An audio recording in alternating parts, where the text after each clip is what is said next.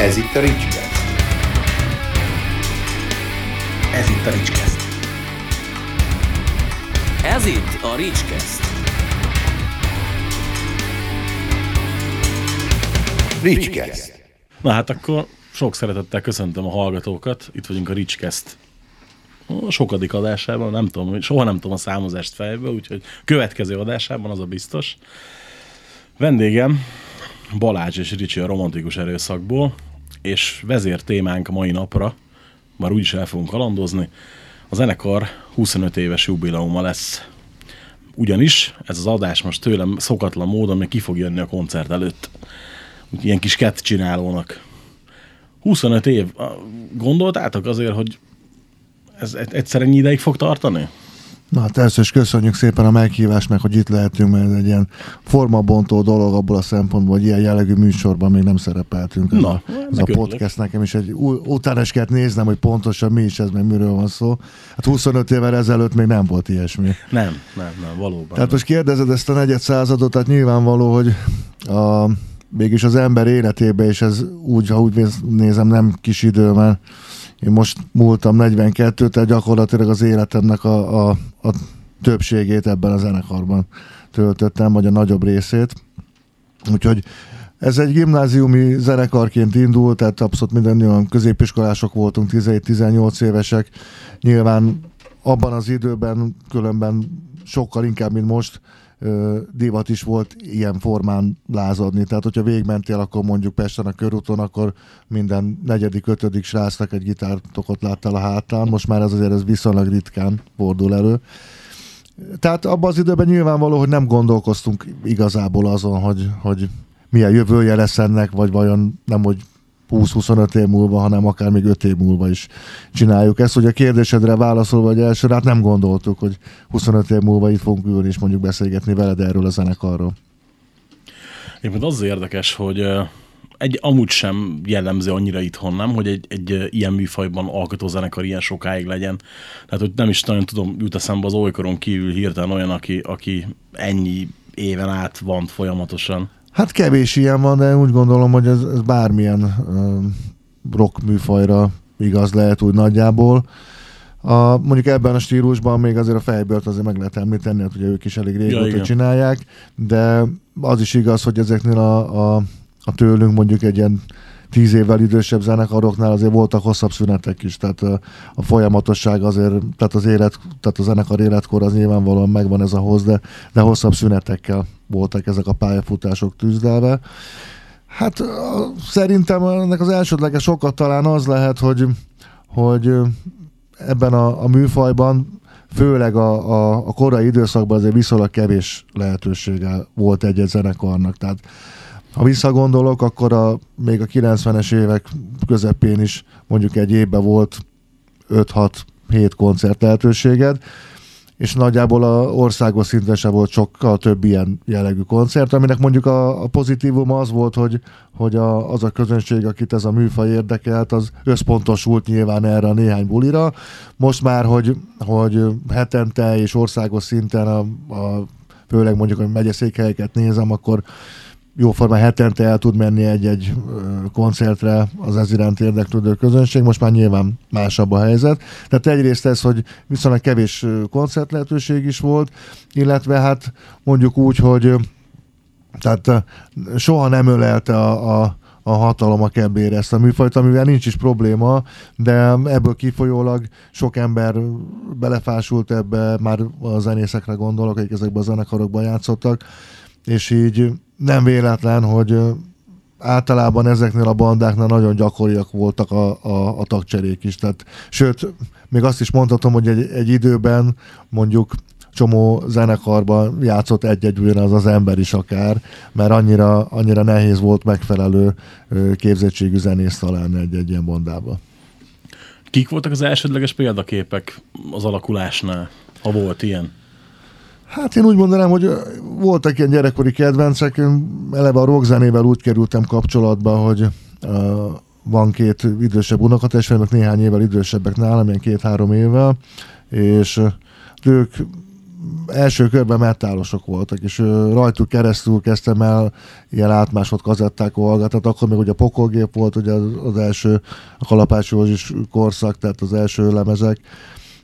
Az Ossiánnak is azt hiszem már volt két lemeze talán, Moby Dicknek az első lemeze abban az időben. Tehát ezeket hallgattuk, vagy akár minden metal, de, de nem is ez az oly vonal, még az Aurora, ugye a Viszlátivál lemez, ami, Igen. ami engem nagyon megfogott annak idején, és aztán hogy a 90, 90 de inkább 90-re teszem azt, amikor, amikor én először hallottam ezeket a, tehát az olykort, az egészséges fejbőlt, ugyanúgy szintén az unokatestvéreméken keresztül, és akkor nem sokkal később ö, velük már elmentem egy koncertre is, és akkor igazából úgy kapott el ennek az egésznek a, a hangulata, tehát nem csak a kazetta hallgatás, hanem maga az egész közeg, akkor még a, a, a Petőfi csarnokban volt egy ilyen, hát mondjuk úgy, hogy rendezvény sorozat, már nem sokáig volt egyébként ott a Pecsában, de az egész talán most már utólagosan, akkor még nem jártam nyilván, csak tudom, hogy ez azt hiszem 80, 80-as évek közepén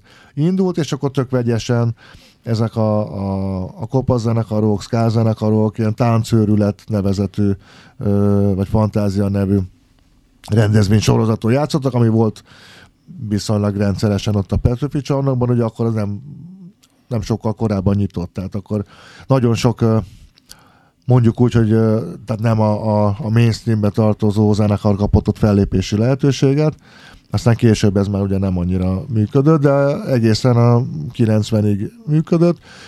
Ott kezdtem el mondani koncertekre járni, és akkor ez áttevődött a, a rendszerváltás után, tehát a 91-92-től pedig akkor a Viking Club nevű helyszínen voltak ezek a, a klubok, és ott, ott léptek fel ezek a csapatok, akkor már jöttek ugye újabbak is, mint az Akcióegység például, vagy a, a, az Emma Skins, az egy ö, pécsi zenekar volt, a Magozott Cseresznye, ugye, aki ö, Budapesten, tehát mindegy, az már a Viking Clubnak az időszaka abszolút, és ö, talán utána még a lágművház volt még egy ilyen, ilyen helyszín. Tehát csak most, hogy gyorsan hogy felsoroltam ezeket a helyeket, ahol, ahova tudtunk járni abban az időben, a 90-es évek elején. De még ezeket a bulikat úgy kell elképzelni, hogy mit tudom, mondjuk mentél a lágművházba, vagy a, a Viking Clubba, akkor ott állandó ilyen rendőrigazáltatások voltak, stb. stb. Tehát mondjuk úgy, hogy ilyen kalandos volt ez még a, nem csak a, a tőlünk idősebbeknek a 80-as években, hanem még a 90-es években is. Nagyjából így föl is soroltam az akkori zenekarokat, vagy akik akkor működtek, és első körben nyilván az ember ezek voltak a legnagyobb hatás az olykor a fejből, vagy a ballogó idő, ami nagy kedvencem volt, egy győri zenekar, csak nagyon rövid ideig létezett, a Viking Klubban láttam is őket, annak idején még 91 tavaszán, úgyhogy hát ezek voltak ugye az első hatások. És mi volt az a pont, ami miatt úgy gondoltad, hogy, hogy te is csinálsz egy ilyen zenekart? Hogy mi volt inkább, nem is, nem is az a pont, hanem hogy mi volt az, a, az az igazi hatás, aminek úgy gondoltad, hogy neked énekelned kell? Hát talán ennyire ilyen összetett dolog volt ez, mert először én úgy kezdtem, hogy tetszettek ezek a zenekarok, meg egy, meg egy újszerű hang volt mindenféleképpen abban az időszakban, és én először egy ilyen fenzint kezdtem el szerkeszteni, azt még 15-16 évesen. Tessék, Tehát abszolút... Ott, ott, ott, ott a podcast megfelelője akkor. Igen, igen, igen. Hát csak akkor az még tudod írógéppel, meg fénymásolással szok, sokszorosítva, és hát volt egy pár lemez volt a Pesten, ahol árulták ezt, az akkori ilyen, ilyen underground lemezboltok már megszűntek, úgyhogy mondhatom, volt a hangvárium, meg az elektromos krokodil. Úgyhogy, de hát ezek is csak azért mondom példának, hogy tehát ezek is már mind megszűntek, már gyakorlatilag már ilyen lemezbolt hálózatok sincsenek nagyon, nem, hogy ezek az underground kis lemezboltok. Sajnos.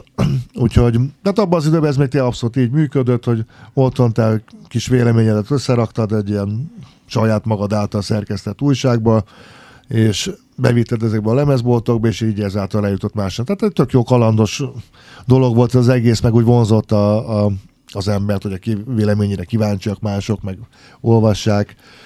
Úgyhogy először én a, a zene, zene kapcsán, most azon kívül zene hallgató, meg koncertre járó ember voltam, így kezdtem el, vagy a zenével foglalkozni, mint fenzin szerkesztő, mondjuk így, és aztán valahogy ez óhatatlanul adta magát, ahogy az előbb is mondtam, hogy abban az időben nagyon sok fiatal próbált zenekart alapítani, meg így a zenén keresztül elmondani a véleményét a világról, és hát nálam is úgy adódott, hogy a, a középiskolával jártam, ott a, az egyik, pont a pattársam, ő elkezdett dobolni, és a, egy másik srác, szintén ott a suliból, akivel jóba voltunk, ismertük, ő meg gitározni.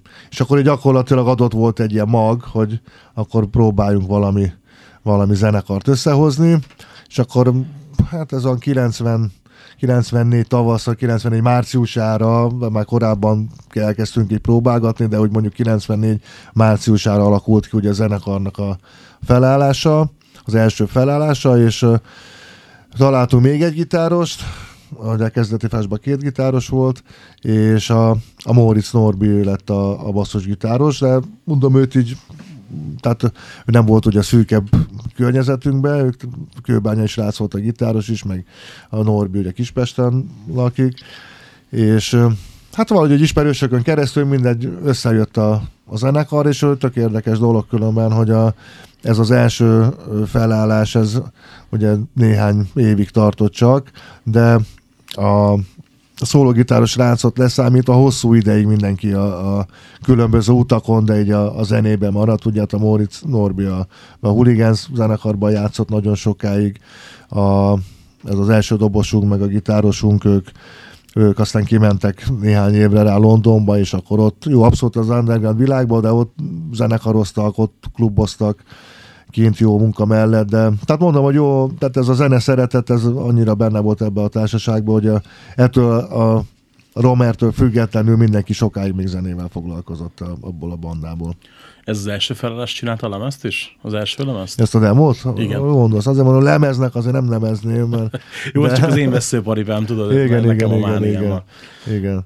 Hát az az első demo, igen, ez, ez a társaság hozta össze, az, az úgy nézett ki, hogy volt egy koncertünk a, a Viking Klubban, az 94 decemberében volt, és utána nem sokkal bevonultunk, ahogy szokás mondani, bár nekem az mindig megmosolyogtott, bevonultunk a stúdióba, akkor 18 évesen, ugye mi sose látunk stúdiót belülről, meg el tudod képzelni, milyen hangszereink voltak, meg, meg milyen erősítők.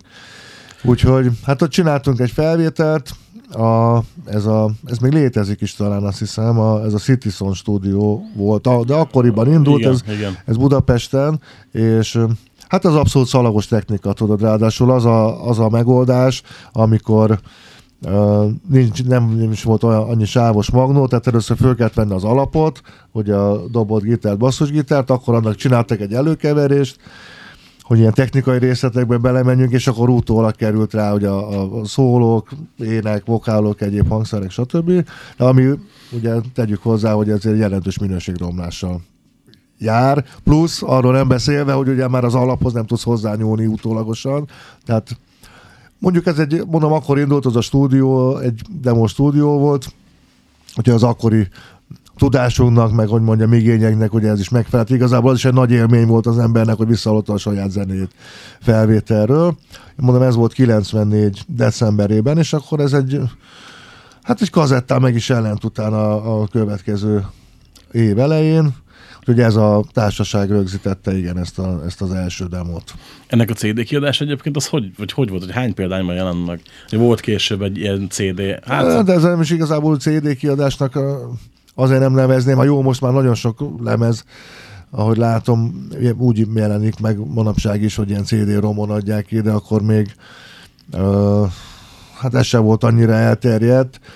Nem is tudom, hogy ez egy pár évre rá lehetett, tehát mondom, ilyen 95 körül, vagy 95 elején jelent meg ez a demo, és akkor mondjuk ilyen 97-ben. Hát egy nagyon ilyen szűk uh, példányszám volt, már nem emlékszem pontosan, de még tudom én egy ilyen százas nagyságrend lehetett, vagy 120 valami ilyesmi. Tehát ez csak úgy érdekességnek tudod. Tök akkor... vicces, hogy én is például egy, egy olasz sráctól vettem a Discoxon, tehát hogy nem, itthon nem is sehol nem találkoztam vele, és egyszer... Hát össze-vissza eljutott ez érdekes módon, akkor lehet, hogy mi hamisították is, csak hülyéskedek, de hogy, hogy Olaszországból szereztette be, de lehet valami gyűjtő volt a srác. nem? Igen, igen, igen, mondta, hogy kifejezetten szereti a, a magyar olyzenéket, és hogy, hogy van neki egy csomó minden, és nem is tudom, mit kérdeztem még tőled, aztán pont nem volt. Aha. Valamelyik, akci- valamelyik akcióegység kazettát akartam, és akkor mondja, hogy de, hogy vannak neki még ezek, és nem is tudom, mit, még egyet vettem tőle valamit, szerintem egy, o- az olykor tíz évet, mert az Mhm. enyémet rongyosra hallgattam, és már itt-ott kicsit nem fura volt a szalag, és akkor vettem tőle még egy ilyen kazettát, és mondta, hogy fú, tök jó, hogy ma- magyar ember vásárolt tőle. Hát még nem mondom, hogy mennyi volt a CD, mert azért, mikor így, így mondta az árát, akkor ez egy kicsit kikerekedett a szemem, de mondtam, hogy nem baj, ennek ott kell lenni a polcon, úgyse láttam még többet, úgyhogy Most már el kell mondanom, engem is érdekel, mennyire vesztegetnek egy ilyen Kilenc- CD-romot. 9 darab ezres plusz posta. Hát az durva. Ja, hát plusz, már hogy várjál, összesen 10, 14.500-at utaltam neki összesen a kazettára, meg a postára így. Ki kéne adni újra, nem? Hát ezt már egyébként a, a Ricsi egyszer kérdezte tőlem, de, de az az igazság, hogy Egyszer. ez egy olyan, olyan demo felvétel, ami egy, egy aranyos dolog, mert minden mai szemmel visszanézve, de hogy ezt már mondtam egyszer a Ricsinek, hogy, hogy azért ez egy önálló kiadványként, meg mai füllel nyilvánvaló, hogy, hogy nem állja meg a helyét. Tehát jó, őszinte zene, nincs ezzel semmi gond, de akkor azok voltunk, mit tudom, 18 évesen, a- nagyjából annyit tudtunk zenélni. Tehát ha ilyen füle hallgatva nem rossz különben. Egyáltalán nem, sőt, hogy szerintem kifejezetten jó nóták vannak rajta. De hát mondom, hogy azért a, a, a, azért a korabeli ö, technikai lehetőségeink is, meg a, mondom, a hangszerek színvonal is, tehát nyilvánvaló az rányomja a bélyegét, tehát ott igazából nagy, főleg amit én hiányolok belőle, hogy igazából gitárhangzás nincs rajta, mert inkább ilyen, ez az előkeverésnek köszönhetően ilyen nagyon-nagyon eltűnt. Igen, a, hangzás valóban nem, nem megfelelő, főleg mondjuk, hogyha már az első... Dob az jól szól. Igen, az igen, az abszolút. Meg sőt, a basszus se volt annyira rossz, tehát hogy az í- így... Hát azért mondjuk az akkori, akkori lemezekkel összehasonlítva, akár csak ebben a műfajban azért nem volt annyira rossz az, tehát van ott, ami rosszabbul szól szerintem. Ja, persze, persze, csak hát most úgy, úgy értettem ezt, hogy mai füllel, meg Ja, most 25 nyilván. év távlatából azért már más. Nyilván persze, most ugye, ja, hát kiadni, igen, azért most tudjuk, hogy általában azért a minimum 500 darabot lehúznak egy lemezből, nem is biztos, hogy elfogyna belőle annyi. Hát az olasz gyerek ellentétben nem szívesen kérnék ezért pénzt, tudod? Hát az, az, a, az a másik különbség. Tehát úgy, úgy el tudnám képzelni mondjuk, hogy valami valamilyen kiadványhoz hozzá csatolni egy érdekességként, mondjuk egy, de önálló kiadványként azért nem. Majd a 25. jubileumi koncertanyagához hozzá lehet adni például. Akár, igen. Ugye utána a következő állomás még nem is a History X volt, ugye, hanem volt előtt egy válogatás lemez, amire készült a... Hát az, az talán több is volt. Igazából, hogy, a, az előbb a zenekari sztorit eh, abba hagytam, vagy félbe hagytam. Tehát úgy nézett ki a dolog, hogy ahogy mondtam is, hogy ez egy középiskolai zenekar volt, gyakorlatilag mm, elég szertágazó zeneízlése volt a társaságnak, amellett, hogy volt egyfajta ilyen világnézeti azonosság, de mondjuk úgy, hogy a, itt az, az akkor ilyen gyűjtőszoval alternatív zenének nevezett ö, műfajok, vagy műfajok összességén belül, tehát itt volt, aki az FO Systemet szerette, meg ezeket a dárkosabb dolgokat, akár még szentségtöréstek, még a Bonanza Banzájt is érted. Ne, én nagyon szeretem, de- de... nekem nem az. De azért mondom, csak hát jó, a, most már nem az, de abban az időben, aki persze, volt, meg metáros persze, volt, ott persze. nem volt átjárás. Érted? Igen. De jó, hát nálunk, hát egyébként mi is, hogy a Petőfi csarnokban jártunk szórakozni, depes módos barátnőink voltak általában, úgyhogy ilyen értelme kénytelen voltál meghallgatni, ha akartad, ha nem. Úgyhogy ott voltál lánynál. Na mindegy, a lényeg az, hogy, hogy Hát eléggé, mondom így, a, mondjuk úgy az alternatív zenén belül eléggé vegyes volt az, az ízlése a társaságnak. Én mondjuk mindig ezeket az olyosabb, pankosabb dolgokat szerettem. És tehát ahogy ugye elvégeztük az iskolát, mindenki leérettségizett, ez természetes folyamat volt, hogy, hogy úgy emberileg úgy kezdtünk távolodni egymástól, és akkor hát azt nem mondanám, hogy így, tehát nem volt igazából, még azt sem mondhatnám, hogy most ki lett rúgva bárki is a zenekarban, hanem ez mondom a maga útján ment, hogy úgy, ö, elmaradoztak a, a próbákról emberek, és nekem is, hát új, új tagokat kellett keresnem, és ahogy az előbb is mondtam, abban az időszakban annyira nem volt ez a, a nagyon sok koncert lehetőség se, tehát igazából úgy mondhatjuk, hogy egy pár évre ugye eltűntünk. Nekem ugye bejött a, a, az életembe, mint újabb nagy szenvedély, ugye a, a jobban egyre jobban kezdtem magam aktivizálni a, a lelátón is, ugye a Ferencváros szurkolóként, ugye ez a nagy időszaka volt különben a, a Fradinak, hogy a bajnokok ligája szereplés, Igen, csomó nemzetközi igen. kupa szereplés. Úgyhogy mondhatom azt, hogy akkor egy pár évre ugye a, a, a zene háttérbe szorult egy kicsit az életemben, mert mondom, tehát nehéz volt új tagokat beépíteni, nem voltak rendszeres próbák se. Egy-egy koncertünk volt mondjuk, de az sem volt igazából rendszeres, és hát közben érkezett két felkérés, ez egyik Németországból, a másik Hollandiából. Abban az időben nagyon divatosak voltak ezek a különböző nemzetközi válogatás CD-k itt ebbe a skinhead műfajba, és hát e- ezekre csináltunk számot, de nagyjából ennyibe merült ki a, az aktivitás a, a zenekarnak ebbe a, a 95 utáni mondjuk ilyen három, három-négy évben. És a, ugye a 90-es évek végén, és sőt nem, a hülyeséget mondok, 2000-ben jött ki ugye a História X, igaz? Az akkor jött ki, de, de zenélni, vagy jobban újra elkezdeni zenélni, az, az korábban volt, már 99-ben elkezdődött. Nálam újra, vagy jobban, aktívabban belevetettem magam ebbe is, vagy visszatértem.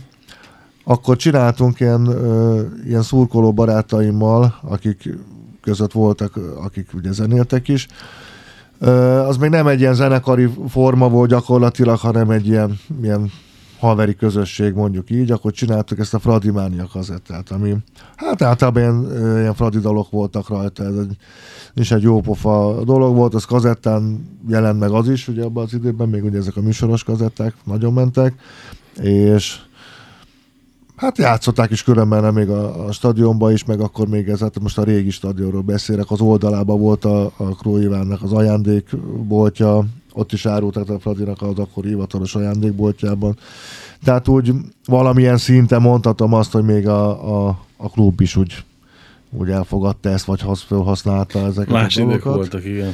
Igen, hát sőt, hát mondhatom azt, hogy ez 99, kérlek szépen a, a, annak a kazettának a megjelenését, meg az öltöztetését az Adidas szponzorálta. Tehát oh. akkor ez egy ilyen, ilyen volt. Jó, hát nem nagy dolog, nem kell gondolni, hogy ezeket adtak, meg mit tudom, de jó, de végül is egy eh, ilyen világcég akkor szóba állt velünk, vagy ezzel a társasággal. Úgyhogy ma már nem hiszem, hogy szponzorálna az Adidas, de akkor még 99-ben így volt. És ebből kezdett egyébként formálódni, ebből a társaságból, akikkel ezt a, a lemezt, vagy hát kaz, műsoros kazettát csináltuk, kazettaalbumot, a, a Romernek a, az a felállása, akivel a, a, a História X-et végül is fölvettük, és az a 2000, amit mondtál az előbb, az, az már 2000 volt. Ugye a- mondtad, hogy már középiskolai zenekar is olyan volt, hogy ugye azért különböző zenei hatások voltak. Emlékszem, hogy mikor a History X-et először hallottam, ugye nekem az volt, a rom, az volt az első Romer, amit hallottam, sokáig az is volt a Romer, uh-huh. hogy az volt, ami elsőre megtetszett benne nagyon. Hát akkor, az akkor hallottam, amikor új volt 2000-ben, hogy zeneileg abszolút más volt, mint a többi. Tehát kicsit ilyen rock and rollosabb volt, uh-huh. vagy nem is tudom, hogy, mi, mi, hogy, hogy mondjam. Meg ugye, hogy a Norbinak a basszusgitára barom jó szólt. Nekem uh-huh. nagyon tetszett az a hangzás. Meg ugye eleve, hogy ez a himnuszos gitár intro, stb. teljesen másnak éreztem, mint az akkor. Ja. Igen. Annak egyébként az a sztoria, hogy hát nagyon a, a gitáros, aki följátszotta azt a lemezt, ő határozta meg tulajdonképpen ezt a másfajta hangzást, ahogy, ahogy most mondod, mert gyakorlatilag a dalok, amiket akkor írtam, olyasabban is el lehetett volna játszani, és ő, ő meg nem úgy játszott, hanem inkább ez a, a 70-es évek iskola, ez nem véletlen különben, mert Hát ez egy óriási arc volt, aki akkor fölgitározta ezt a lemezt, meg aztán későbbi sok lemezünkön, meg élőben is közreműködött sokszor. Úgy hívják, hogy Magyarosi László, és ö, hát az egyik legjobb gitáros volt Magyarországon a, a 70-es évek elején. Úgy kell elképzelni, hát én úgy ismertem meg különben, hogy egy helyen melóztunk a, a, a Józsa Bélánál, aki különben a, a, a pokolgépnek volt a, a dalszövegíró, meg menedzsere egy időben, és hát ott sok zenész mellózott, vagy ilyen zeneközeli ember nálam, és akkor ismertem meg a, a Magyarósi Lacit, aki hát nagyon sok zenekarban megfordult még ott a 60-as évek, még 70-es évek elején. A Radis Bélával emlegették az ő nevét egy lapon abban az időben volt, és az ifjúsági magazinban egy ilyen ilyen szavazás, közönség, közönség szavazás, meg szakmai szavazás, és ott a, a szakma őt hozta ki a legjobb gitárosnak, hogy volt ez az, ez az első ilyen supergroup nevezett, azt hiszem 70 vagy 71, valahogy így. És ő, ö, a nyolcadik kreatív vagány csibész gyerek volt különben az Országszki Jackiéktől, tehát az a kezdeti Siriusba is játszott. Ö, ö, aztán a, a Póka Egonnal elmentek a Metro zenekarba zenélni, és de igazából, ahogy utólag mondta nekem, legfőképpen azért, hogy jó felszerelést tudjanak venni, mert az elég jól lehetett keresni egy metro együttesbe, és meg is mit tudom, pár hónap múlva már megvoltak a nagy marsalok, meg minden, azt hiszem a póka azóta is azon játszik, amit még akkor vettek. És a, de valami, tehát a Mogyi mondom, egy ilyen 8 ilyen vagány forma volt, és úgy nagyon nem, tehát nem bírta, hogyha hülyének nézik, meg úgy így nem nyerte le ezeket a dolgokat, és volt valami pénzügyi elszámolási vita ott a, a, az Oránékkal, mert a Metro zenekarban valami turné végén, és akkor a következő nap ő kiszállt a zenekarból, tehát nem nagyon volt híve az ilyen beszéljük meg, meg mit a megoldásoknak, és hát mindegy, sokan azt mondták akkor, hogy mekkora hülye volt, hogy, hogy egy jó darabig hát, elzenégethetett volna még így, és mint én a vasgyárba dolgozó faterjánál akkor is megkereste a huszorosát mondjuk, mint az öreg a gyárba, pedig a zenélés miatt kirakta az apja azért, hogy a pókáiknál lakott, aztán ugye ilyen értelme fordult a kocka, de mindegy. És hát mindegy úgy volt vele, hogy akkor elég sokat diszidáltak ugye az ő generációjából. A nagy barátja volt a Barta, ugye az LGT-ből, meg az Országszki is diszidáltak, és Hát úgy volt vele, hogy még a, mert ugye ez pont egy a jugoszláviai turné volt, amin volt az összeveszés, és még a, hát a fiatalabbak nem tudják, hogy akkor ablakok voltak az útlevélben, nem lehetett akárhányszor utazni, nem a nyugatra, de még keletre se. És mondta neki, még volt egy ablak a, ebbe az útlevelébe, és ugye vissza tudott menni Jugoszláviába, az akkor Jugoszláviába, és akkor onnan így átcsempészték ugye Olaszország, és akkor tehát úgy került nyugatra akkor egy darabig itt kóborolt Nyugat-Európában, mit tudom, Olaszország, Franciaország, és akkor végig is kívánt a, a USA-ba. Nagyon sokáig ott volt, ott uh, rengeteg helyen megfordult, mit tudom, New Yorkban ott, ott ismerkedett meg ezekkel a régi, a Püski könyvkiadó, ugye a régi Igen. Hát ők nem is 56-os diszidensek a püskiek, hanem még korábbiak, de nagyon sok régi 56-ossal, és megmondta, hogy ott fiatal, amit, amíg itt volt Magyarországon, annyira nem érdekelte ez a téma, ugye ezek a nemzeti gondolatok. Semmi örült neki, hogy zenéje népszerű volt, jól gitározott, tök jó, és ott, ott valahogy, hogy, hogy nem itthon volt, talán a honvágy miatt is, vagy tehát úgy jobban elkezdte foglalkoztatni ez a dolog, tehát vele is így, így szellemi szempontból is abszolút egy hullámoszon voltunk, mikor aztán én később megismertem, de ez már 96-ban vagy 97-ben lehetett, mert ő hát végig előtte nem egy pár évvel előtte jött haza. Ugye sokáig, amíg itt voltak az oroszok, addig egyáltalán nem is akart jönni, meg neki ugye azt hiszem törölték is az állampolgárságát, tudom, egy nagyon baromi hosszú folyamat volt, mire a diszidenseknek én tudom, megszüntették annak idején az állampolgárságát, Igen. tehát egy baromi hosszú folyamat volt, még egyáltalán vissza uh, kapta ugye személyit, meg amit tudom én mi, mikor hazajött. Na minden lényeg az, hogy vele uh, rögzítettük, csak azért mondtam így röviden dióiba, hogy ez egy, nem akárki volt ez a forma, és, vagy hát még van is, hál' Istennek él még, és uh, tehát vele csináltuk ezt a, a, a Fradis lemezt is különben már, meg a, a históriát is, uh-huh. és azt hiszem, hogy a, az ő gitározása volt ebből a szempontból egy ilyen amitől teljesen más volt az a lemez, vagy ami miatt más, tehát hogy ő teljesen más adja játszott ezeket. Az amúgy viszonylag egyszerű témákat, de ahogy mondod, igen, ebbe azért a rock and roll, rhythm and blues, tehát az a, az a fajta, nem is tudtam, hogy nem is akartam volna levetkőzni, meg, meg eh, ezeket a stílusjegyeket meg ami szerintem még lényeges, hogy nagyon-nagyon ízléses szólókat játszott mindig. Ugye későbbiekben is játszott eh, egyet dalunkba vendégként gitárszólókat, akár a Kárpátok dalában is, és, és egyszer nem is nagyon dolgoztam még eh, se előtte, se utána olyan zenészel, akinek ilyen ráérzése lett volna. Tehát abszolút nem írt meg soha semmit, tehát nem ilyen begyakorolt szólók voltak, hanem tudom én, meghallgatta a, dalt, és akkor elindították neki háromszor, és háromszor játszott rá valamit, és mind a három kurva jó volt. Tehát egy ős tehetség volt a, a Pali, mindenképpen. Milyen volt a fogadtatás ennek a lemeznek akkor? Ugye ez már, már rendes terjesztéssel jelent meg, ugye? Ez már talán a, a rockworld volt, ugye? Rockvördös, igen, rockvördös volt. Hát jó, most a, a, a terjesztés, meg én abból a szempontból, hogy nyilván eljutott boltokba, tehát ez is egyfajta dolog volt, de hát ez mondjuk a, a, a Rockworld se egy multikiadó volt nyilvánvaló, Persze, tehát nyilván. megvoltak ennek a vonalai, meg megvoltak azok a lemezboltok, ahol ezt lehetett kapni, de, de azért azt nem mondanám, hogy úgy volt terjesztve, mint a, mint nem tudok most ilyen korabeli nagy megjelenést, mindegy. Tehát nyilván nem olyan volt, mintha a, a Warder adta volna ki, vagy a, Igen. a tehát a maga helyén kell ezt kezelni, de ahhoz képest nyilván, hogy milyen, tehát viszonylag szűk körhöz tudott ez így eljutni, ahhoz képest jól fogyott ez a lemez is, meg aztán egy éve rá az itthon vagyunk is. És hát ami a, a história lemez, a magyar história lemeznek a, a nagyon fontos szerepe a, a zenekar életében, hogy, hogy újra lett kedvem így koncertezni, ugye pár év után, vagy így rendszeresebben, és akkor ehhez olyan stabil, megbízható embereket kellett ö, találni, ami, akiket tényleg lehet próbálni, meg vidékre menni, stb. stb.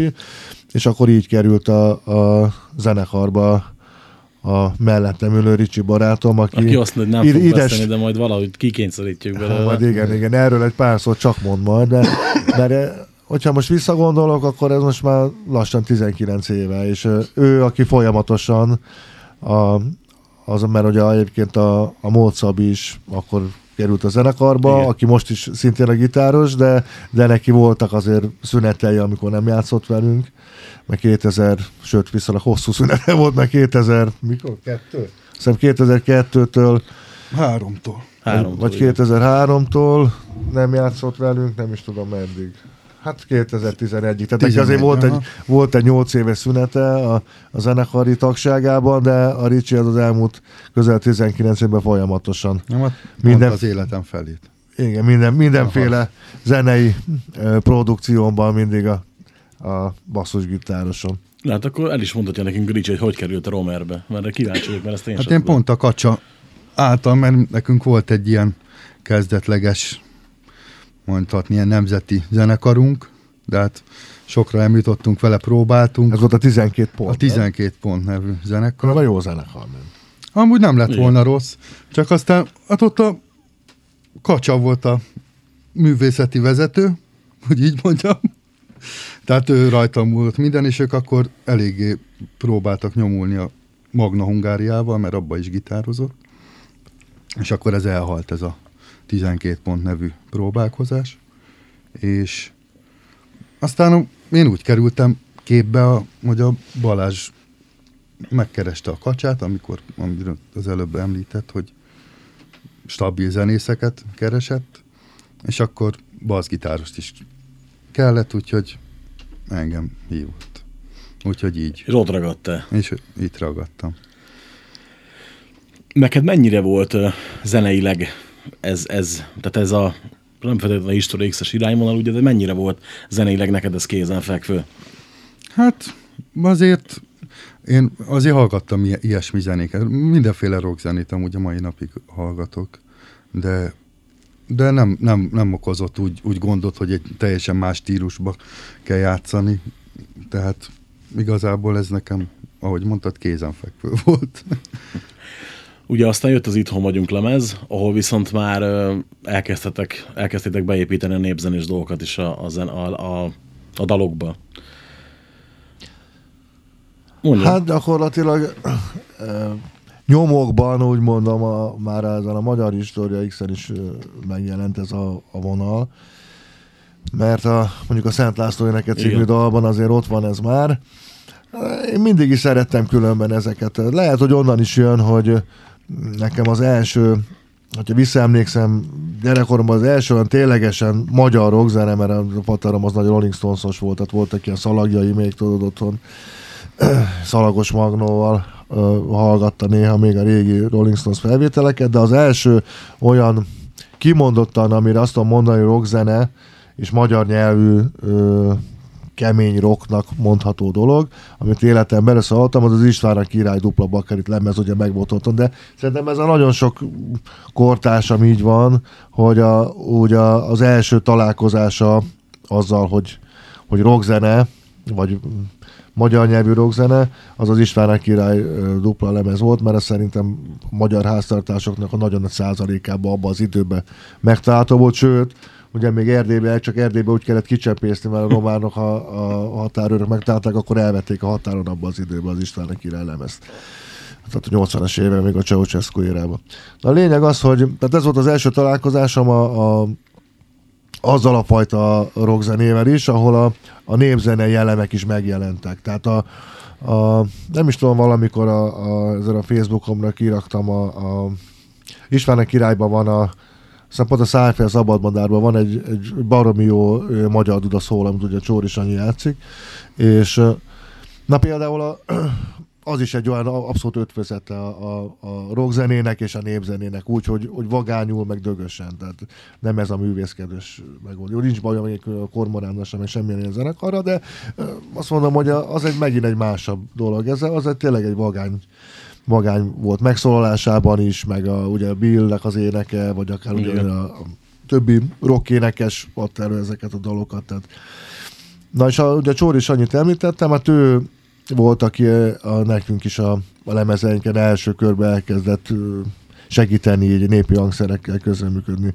Ő, hát őről azt kell tudni, hogy Magyarországon e- egy a leges legnagyobb és legismertebb ilyen folk zenekar, ugye a muzsikás együttes. De hát nem csak Magyarországon, azt hiszem, hogy talán mondhatom azt, hogy a legismertebb magyar, ha műfajokat nem nézem, akkor a legismertebb magyar zenekar a világon a muzsikás együttes.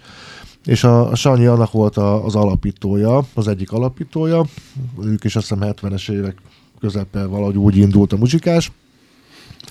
És aztán volt egy olyan korszakuk, ugye eredetben ugye autentikus népzenét játszottak lemezeken is, meg ugye a táncház mozgalom beindítása, tehát ezer dolgot föl tudnék sorolni, ami a, akár a muzsikás együtteshez, akár a, a, a Csóri Sanyihoz köthető, de az biztos, hogy ö, ők voltak az elsők szerintem Magyarországon, akik azt a fajta ötvözetét tudták megcsinálni az autentikus népzenének, és a, a, a, a, anna- annak a modernebb felfogásra eljátszásának mondjuk inkább így, amire aztán aggatták később ezt a világzene fogalmat, ami hát nem, szerintem nem a legjobb címke, de mindegy, hát jobb hiány ugye ez, ez lett az Nem tudjuk bekategorizálni, húzzuk rá egy világzene, igen. Így az- van, ez, ez, ez már mondjuk a 70-es évek vége, 80-es évek elején volt a muzsikásnak két olyan lemeze, ami amire azt mondom, hogy a mai napig is beszarás. Tehát ott, ott nem csinál senki, szerintem, se Magyarországon, se a világon így. Talán talán mit tudom én, a, a, Dubliners Írországban, vagy tehát ezek, ezek, ezeket tudod megemlíteni, ami hasonló, hasonló szintű. Tehát ami nem autentikus népzene, tehát sokszor ők rakták össze, tehát, mondj, tehát inkább úgy mondanám, hogy, hogy olyan népdalokat játszanak, amilyen népdal nincs is, tudod, mert, ő, mert ő, igen. ők, ők csinálták, de mégis, tehát atom. Tehát a, ott van mondjuk az a hidegen fújnak a szelek, hogyha ezt meghallgatod, akkor tehát az egy ilyen mezőségi kurva egyszerű, ilyen ritka magyarnak hívják, tudod, aminek van ez a tü- ez, ez a Igen, ritmusa, és hát az egyszer beszélgettük is talán pont veled, hogy tehát az úgy megszólal, mint egy ECDC vagy egy Motorhead, érted, a maga műfajában, és pedig az is régi felvétel, és mai napig 30 éves felvétel tök jó szól. A, különben nem véletlen, hogy ott a, a, a, a szörényi testvérek bábáskodtak a, azoknál a lemezeknél, a Szörényi Szabolcs is volt a hangmérnöke meg. Tehát nem a hagyományos módon vették föl ilyen, ilyen népzenész felfogásban, hanem mégis rockzenészekkel rögzítették azt a lemezt. Na minden, szóval tök jó. És a, a, a Csóri Sanyi, aki ennek a, mondom, a vezéralakja volt ennek a zenekarnak, mert nagyon sok dalt ő írt, valamiért látott fantáziát ebbe a dologba, amit, amit, amit csináltunk, főleg az, az itthon vagyunk, mutattam neki ezeket a, a számokat, és akkor nagyon nem messze ürömmel lakik különben, vagy akkoriban ott lakott, és nagyon sokat voltam fönn nála, beszélgettem vele zenéről, nagyon sokat tanultam tőle a, a, a népzenéről inkább mondjuk úgy, hogy tehát nem hangokat vagy ilyesmit, hanem felfogást, meg gondolkozásmódot. És tehát ő akkor az itthon vagyunkra, ö, hát végig is elhívtam, ez is egy olyan érdekes sztori volt, mert én egyáltalán nem ismertem először még ugye személyesen, ö, viszont hát sokat hallottam róla, meg, meg tudtam, hogy szívesen közreműködik ilyen ilyen rockzenei dolgokban, hogyha úgy adódik, meg azt hiszem neki a muzsikás mellett volt is, és még adott is nekem felvételt, hogy ez is baromi jó volt, csak hanvában volt az ötlet. A muzsikás mert még a kezdeti időben volt neki egy ilyen, ilyen folk rock zenekar, és a muzsikás tagokat, de ott elektromos gitár meg Mhm. ilyenek voltak, aztán Nomád nemzedék talán az lett volna, vagy volt is a zenekar neve, de aztán csináltak két koncertet, és úgy hagyták, mert aztán csináltak a muzsikás tovább. Tehát nekünk benne meg a Hobóval is csináltak közös Igen. Koncerteket. Tehát a muzsikásnál mindig is benne volt a, a levegőben, ez, de ők nem zárkóztak el ugye a rockzenétől, vagy az ilyenfajta közreműködésektől. És ugyan Sanyi akkor már nem volt a zenekar tagja, már muzsikásé, de mondom, hogy szívesen jött és játszott velünk, tök jó ötleteket adott. És na, csak visszatérve mindig elkalandozok egy kicsit. Úgy ismertem meg, hogy a Fonóba volt neki egy koncertje, és akkor ö, egy közös ismerőseink voltak, tehát nem teljesen vadidegenül mentem oda hozzá. És akkor ö, vittem neki talán, azt hiszem akkor már nem kazetta, hanem egy ilyen író CD-n elvittem neki pár számnak a, a, a demo verzióját, hogy, hogy ezekre a dalokra, hogyha lenne valami ötlete, abszolút szabad kezet kap, hogy amit gondol, ö, szeretnénk, hogyha szerepelne a lemezen, a jövő héten van a stúdió. Tehát kicsit ott képest, hogy Kicsit viszonylag, viszonylag ismeretlenül mentem oda, hogy elég bátran. Most már utólag, vagy kicsit pimaszú szólítottam meg a Sanyi, de nem, ő jól vette ezt, meg ő, ő is ilyen, ilyen fajta ember volt, tudod. És el is jött a következő héten, és akkor ebből született már a, a, azon a lemezen. Az itthon vagyunk, a, a régi reggel, a trianont ne döntjük, és mind, tehát ő is az a fajta volt. Tehát én azt mondom, hogy nagyon nagy szerencsém volt nekem az életben ilyen szempontból, hogy, hogy, mindig, mindig olyan zenészekkel tudtam együtt dolgozni, akik, akik baromi kreatívak voltak, és, és mindig nagyon sokat hozzátettek, akár ö, ugye említettem a Magyarorsi Laci, de ugyanúgy a Ricsire is mondhatnám, vagy itt a Csóri Sanyi, tehát mindig szerencsém volt ugye zenésztársakkal, hogy, hogy előre mozdították a dolgot, és a, a Sanyi is az a fajta ember volt, aki ösztönösen érezte, hogy mit, ho, mit kell játszani, és hova kell játszani, és jó, hát baromi nagy tapasztalata is volt nyilván ugye a népzenen terén, aztán meg főleg. Úgyhogy így indult a, a népzenésedés idézőjelbe, és akkor ez ugye folytatódott a következő lemezeknél is egy pár évig, és a nagy büszkeség is különben, hogy, hogy azt hiszem a 2004-es év volt az, pedig hogy a Csóri Sanyi sokat betegeskedett is, meg tehát nem olyan sűrű játszott élőbe koncerteken, de a 2004-es évben végig gyakorlatilag uh, túlnézte velünk azt az évet, de úgy, hogy mint a Székelyföldtől elkezdve mindenhova eljött velünk, úgyhogy ez a nagy... Amiből aztán lett is egy koncertlem, az később. Igen, igen, hát az mondjuk egy olyan, az is kicsit olyasmi volt, mint az a demo, amit az előbb beszélünk. Az úgy lett koncertlemez, ez a hadak útján. Ugye nagy élmény volt nekünk, ez 2004 márciusában. Kijutottunk ugye a Székelyföldre, és hát akkor nem volt azért egy általános dolog ott, hogy, hogy ilyen nemzeti mondani való, hogy a zenekarok játszanak ott. Ott is óriási rendőrségű készültség volt, meg ilyen Na minden, tehát olyasmi hangulata volt annak a koncertnek ott 2004 márciusában, aztán pont ilyen március 15 előtt egy nappal, vagy valami ilyesmi volt. Tehát olyasmi hangulata volt, mint ami itt lehetett a, a 70-es, 80-as években a rockkoncerteknek, hogy, hogy minden hajszálon múlott, hogy elszabadul a, a pokolat tudod ott a városba. Tehát direkt ilyen erődemonstrációt csináltak a rendőrök is. Vagy, na és ö, tehát ez a, a, a székelyföldi kirándulás, Fú, bazeg, most belekavarodtam ebben nagyon. Mi volt a kérdésed? Nem, Tényleg a koncertlemez, igen. igen, igen. Tehát ez a székelyföldi kirándulás, igen, igen, ö, végül is úgy lett a lemez belőle, hogy ott a helyi technikusok, de abszolút önszorgalomból, vagy mert tetszett nekik ott a beállásról, ők fölvették. Tehát az, az nem volt tervbe, meg mi nem is gondolkoztunk, ilyen örültünk neki, hogy ott vagyunk, játszunk, tényleg sokan is voltak a bulin, tehát meg sem fordult a fejünkbe, hogy ez rögzítve legyen, először legalábbis, vagy előre. Csak a vége volt a koncertnek, akkor jöttek ott a helyi technikusok, mondták, fú, de tök jó volt, meg minden, és hogy akkor Úgy kiírjuk CD-re, mert fölvettük. Hát úgy nem sávóként vették föl, ugye, hanem csináltak egy mixet ott maguknak, ugye nagyjából fülhallgatóba, és akkor fölvették ugye egybe az egészet. És uh, aztán utána elküldték, meghallgattuk, és valahogy ez uh, nyilván nem egy hibátlan felvétel, sokszor, hogy amikor a szegény Botti játszik a furujával, besípol a mikrofon, meg a, tehát vannak benne ezek a, a, tehát mondjuk úgy, hogy egy ilyen hivatalos koncertlemeznek azt sem nevezném, de egy ilyen... Official. Igen, igen, igen, azt lehet mondani, hogy egy ilyen, egy ilyen kalóz felvétel, ami, ami kapott egy, egy digipak CD-t okot, de, de egy érdekesség, egy érdekesség mindenképpen és nem is bánom különben, hogy az megjelent. De az is egy ilyen, azt hiszem 500 példány, vagy 600 valamilyen ilyen korlátozott példányszámban. Az, az, az, nekem sincsen csak újra kiadásom, még ja, nekem adásszam valahol.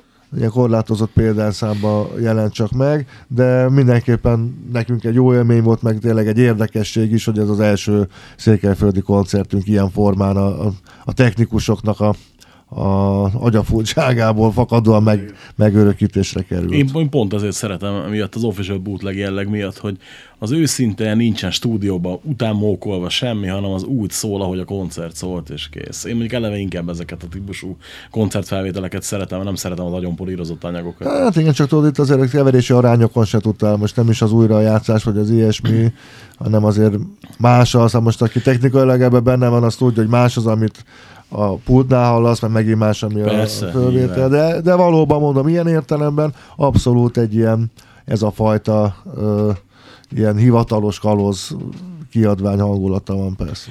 Viszont itt ugye átugrottunk egy lemezt, amit nem szeretnék, mert hogy szerintem nagyon fontos állomás volt a zenekar történetében a, az Árva Mennyország lemez. Ugye az volt az első lemez a Brassival, igaz? Nem. nem, nem, nem. Ez pont ez a koncertlemez volt az első a, a Brassival. Hát itt végül is olyan, volt egy váltás ugye a zenekarba, akkor szállt ki a Mócebi, aki azóta most már újra gitárosunk, de az itthon vagyunk lemez után volt, és akkor mindjárt két gitáros is került a csapatba helyette, ugye a, Tala, aki szintén, ja, Talabér Peti, aki szintén sokszor, többször megfordult a zenekarban, aztán még utána is, és a, a, a felhő, a német Zsolt, aki meg az itthon vagyunk lemezen még dobos volt, de itt, itt már ritmusgitárosként szerepelt. Úgyhogy ott a felállás így némiképpen változott, és hát a maga, a, a, ugyanúgy a Csóri Sanyi közreműködött, ezen a lemezen néhány dalban, még énekelt is, ugye az, az intro, igen. az ő énekli. Egy útonba, igen. Igen, és a Hát ott talán az a legelőre mutatóbb nóta, ami aztán egyfajta ilyen vonulatot is elindított, én úgy gondolom a, a zenekarnak a történetem, az a Büszke Boton című dal volt, aminek aztán később talán úgy gondolom, hogy született jobb felvétele is annál a lemezverziónál, de az mindenképpen egyfajta iránymutató vagy előremutató dolog volt a későbbekben már a, a mondákönyve lemezhez akár. Meg itt volt először teljesen akusztikus nóta is, ugye? Igen, igen, kettő is, kettő is volt rajta, a Kárpátok dala, meg a 1920. Hát igen, ez egy érdekes. Ez talán kicsit ilyen rokkosabb lemez volt különben, igen. mint az itthon hát vagy. Itthon... Van, van rajta majdnem Motorhead nóta is, hogy az Ameddig például. Ja, ja, ja, ja, ja, igen. Hát ez ilyen tényleg egy rokkosabb megközelítésű lemez Főleg úgy, hogy azért ugye szövegileg is elcsiphető néhol a népzenés jelleg, viszont ugyanakkor az abszolút olyos szövegvilág is teljesen jó megmaradt. Az érdekes ötözet volt az elemez. Emlékszem, hogy mikor kijött, megvettem itt az Esztergomi koncerten, nem is nagyon tudtam el először mit kezdeni. Tehát, hogy ilyen tök furcsa volt az előző kettő után, hogy igen, vannak dalok, amik, ugye, mint a címadó, meg az első, ugye nekem, kit érdekel ez, ami, ami ugye vitte ezt a szokásos vonalat, és az akusztikus dalokat nem is értettem azt, hogy ez mi ez, minek kell, meg, meg így, tehát ilyen, ilyen fura volt. Viszont ugye utána, amikor meg sokat hallgattam a lemezt, akkor meg rájöttem, hogy Pázd meg, ez tök jó. Tehát, hogy így, így, de érdekes volt elsőnek hallani mindenképpen. Tehát, hogy így, így mert voltam akkor 16, nem nagyon tudtam vele mit kezdeni mm. először. Hát az a helyzet, hogy azért megfigyelhető különben nagyon sok lemezünknél, hogyha te mondjuk ismered a diszkográfiánkat elég jól, hogy nagyon így két egyforma lemez nem nagyon tudsz mutatni, és még azt sem mutatnám, hogy ez most egy annyira ilyen tudatos elhatározás volt, hogy na most aztán baromira más elgondolás alapján, vagy más szeretnénk csinálni, hanem valahogy mindig, tehát Na, nagyon nem volt kiszámítva sohasem, mert nem ilyen ösztönösen. Amihez éppen kedvünk volt, azt csináltuk. Ugye, ahogy mondtad, hogy ez a lemez ilyen értelemben elég változatos volt. De utána csináltuk a, a, a mondák könyvelemezt, ami meg totál egy olyan, olyan dolog volt, hogy olyan nem, nem létezett a zene korábban Magyarországon, amit a, azzal csináltuk, és most nem nagy képviségből mondom, mert ez most Nem, nem, hát feltétlenül nem- jelenti, hogy jó vagy rossz értelemben, de Nem, de legalábbis olyan nem volt másik. A, mikor, mikor azt mondja egy zenekar, hogy aztán te is mondtad egyszer, hogy azért nem játszottak arra a lemezről, hogy nem lehet elválasztani egy dalt a többitől. Igen, igen, És én mind, mindig ilyen, mindig így megmosolyogtam ezeket a kijelentéseket, viszont amikor ezt mondtad, akkor elővettem a lemezt újra, és így azt mondom, hogy igazából az tényleg így egységes egész, és nem is, én se hallgatok külön dalokat róla például. Tök érdekes, hogy, hogy az tényleg ilyen, ilyen nagyon különleges lemez az. Hát mert az egy lényegében ugye egy koncepciót visz végig, ugye a Komját István mondák könyve című. Ö, Egy, egy csaló közékörömben származású felvidéki író volt, aki, akinek át kellett menekülnie ugye Magyarországra a második világháború után, és egy néprajz, tudós néprajzkutató volt. És abszolút mértékben belásta magát a, a, a magyar ősi hitvilág, mondavilág. Én egyébként ajánlom mindenkinek, hogy olvassa el ére az életbe egyszer legalább ezt a Mondák könyve című művet, mert, mert tudom, hogy mostanában, és nincs azzal se baj különben, hogy a, a, a, a gyűrűk ura megy, meg a, a mit tudom, tehát ezek a modern, modern Igen. csinált, idézve mondom, csinált mitológia, igen, de, de ez a Komját István, ez ennek szentelt, szentelte az életét, és tényleg ő úgy gyúrta ezt össze, hogy, hogy a, a néprajzkutatás, tehát a, ami az, a, tényleg a, amit a falvakban még fönnmaradt ilyen elbeszélések, stb. Tehát abból rakta ezt az egészet össze, és azt hiszem 7 vagy 8 éven keresztül írta, és a legdurább Rákosi korszakban írta különben, mert ez 55-ben jelent meg, vagy 56-ban jelent meg ez a, a könyv, mert valahogy érdekes módon, tehát ez, ö, tehát hagyták dolgozni, lehet úgy voltak vele még a kommunisták is, hogy hát ez egy ilyen hülyeség, hadd csinálja, bolond, nem normális. Na mindegy, és egy óriási hatású könyv, különben a, a, a P-Mobil honfoglalás című ö, switchjében is, ugye annak a Hobó írta a szövegeit, és a Hobó nagyon sokat merít ebből a, a könyvből. Azt hiszem talán még a borítón fel is van tüntetve, vagy annak nyomán, vagy hatására, vagy nem tudom milyen megfogalmazással, hogy a szövegek úgy készültek. Tehát a, a híres mondat, ami hogy a, a P-Mobil honfoglalásában is van, hogy a világon élni csak hősként érdemes, az ebben a könyvben van, az egy, az egy onnan van kiszedve, hát a világon élni csak hősként érdemes. És a lényeg az, hogy nagyon nagy hatása volt rám ez a könyv, ugye megcsináltuk ezt a, a lemezt, és olyan megoldásokkal, a, tehát ott még inkább kibővítettük a, ezt a, a népzenei tárházat, tehát ott egyéb hangszereket is, ilyen moldvai, mint a kaval például, ilyen hangszereket is bevetettünk a már megszokott duda, meg a, a hegedű, meg furuják mellett, és úgy gondolom, hogy akár szövegvilágában is, de zeneileg is, az egy nagyon-nagyon jól összerakott lemez, és nagyon sok munka van benne, és még egy ilyen sok, sok rétegű dolog is különben, tehát a, a, az adott tájegységeknek a, a népdal, amiket beépítettünk, sok esetben nem véletlen, hogy miért pont az van, mert az úgy kapcsolódik a magához a történethez. Úgyhogy ö, egyébként amellett, hogy koncerten nagyon-nagyon ritkán játszuk, mert előtte valamit említettél ami, amiatt leginkább, hogy nem nagyon lehetne szétválasztani, arra meg nem igazán van lehetőség, hogy, hogy egy koncert csak ebből a, a, ezekből a dalokból álljon.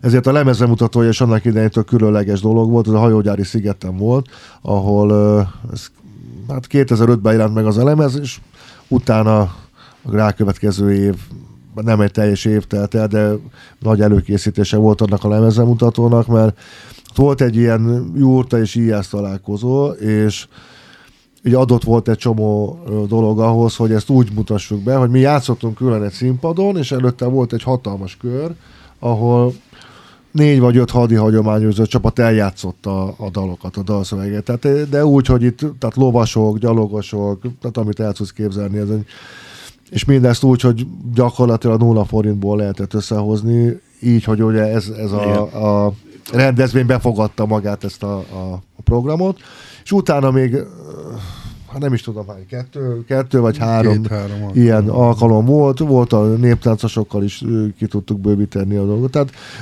ennek azt mondom, hogy ennek így volt értelme ezt a lemezt bemutatni, meg játszani, de akkor a tényleg csak az a, a a program volt, és ezzel a koreográfiával minden, tehát ezt nehezen tudom elképzelni, most a Barba Negrába elkezdjük rózni, amit tudom én a Turóvérből való Koppány című számot érted. Egyébként az a hajógyári szigetes buli az életem egyik legkülönlegesebb koncertélménye volt, pont ezért, mert így ez az egész összerakva, minden tök sajnálom, hogy nem lett abból egy DVD kiadvány, de Ah. nyilván ny- nyilván minden nem lehet. Hát örültünk, hogy összehoztuk azt is. Még előző este még a, a, mi építettük fel a színpadot a két kezünkkel. Értem. Azt tényleg annyira nulla forintban Igen. volt csinálva. De nagyon nagy sikere volt, és ráadásul külön megtisztelő volt, hogy a, aki a, az írója, a Komját Istvánnak a lánya, a, a Mária néni, is már egy idősebb hölgy volt, unokákkal, egész családdal kijött, eh, megnézte, és, és nagyon gratulált, és nagyon tetszett az egész család. Tehát maga az író, akinek a, a hatására tulajdonképpen, vagy a, a nyomdokain ö, megszületett ez a, a, a lemez, tehát az ő családja is abszolút pozitívan és, és elismerően beszélt róla, úgyhogy ennek a külön örültünk. Nem tűnt ez merészvállalkozásnak akkor egy ilyet megcsinálni? Egy, egy most nem, nem ö, értsd félre, meg nem degradálás mondom, hogy egy, egy egyszerű skinhead zenekarnak csinálni egy ilyet? Hát ugye az, hogy ilyenfajta címkézés is szerintem akkor már az elején se nagyon, de még talán a 90-es évek közepén ez ránk de, de most már én azt gondolom, hogy lehet azt mondani, hogy ez egy skinhead zenekar, lehet azt mondani, hogy ez egy nemzeti rock zenekar, lehet azt mondani, hogy ez egy punk rock zenekar, csak a Más jobb, jobb oldali elkötelezettségű emberek, vagy ilyen gondolkodásmódú emberek. Azért mondom, hogy sokféle címként ránk lehet akasztani, tehát nem tiltakozom ezzel ellen se, de azért mondom, hogy ez több, több is volt annál, mint hogy azt mondanám, hogy skinhead, vagy ilyen, vagy olyan, vagy de ez direkt sarkítom egyébként a kérdést, ugye, tehát itt az, hogy, hogy az Ez- belefogni egy ilyen volumenű konceptlemezbe, tehát érted, lehet, hogy sokkal nagyobb volumenű zenekar sem merte volna megcsinálni, és mondjuk nem is biztos, hogy a, a zenekar úgymond szoros rajongó tábora lehetett volna ennek a célközönsége, hogyha abszolút szubjektív szemmel nézett, tudod. És Tehát, lényegében nem is, nem is az volt, mert uh, utólagosan azt mondom, hogy a, tehát nagyon sokan szeretik azt a lemezt különben, meglepő módon, uh, a, amellett, hogy ez egy konceptlemez volt, a mai napig szerintem most a pontos számot a, a, a Hammeresek tudnak megmondani, mert az újra ki lett adva, amikor a, hogy a Hammerhez kerültünk, Igen. Akkor lett egy újra kiadás ennek a lemeznek, és akkor még, hát még legalább egyszer annyit eladtak, mint mi előtte már évek előtt. Tehát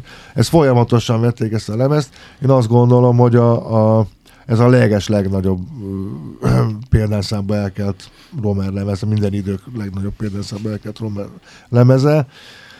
Úgyhogy amellett mondom, hogy, hogy a, a törzs közönségünk, vagy hogy mondjam, ott is sok, sok esetben azért értetlenkedés fogadta azt, hogy ugye megszokták azt a fajta a, ilyen lendületesebb ö, hozzáállás, meg nyersebb, nem is az a lendület ebbe is meg volt, hanem mondjuk úgy, hogy a nyersebb, kevésbé cizellált hozzáállás, és akkor ez a lemez meg, meg elindul egy ilyen bontogatós, hegedülős, félakusztikus nótával. Tehát ez sok esetben nem tudtak hova tenni nyilván.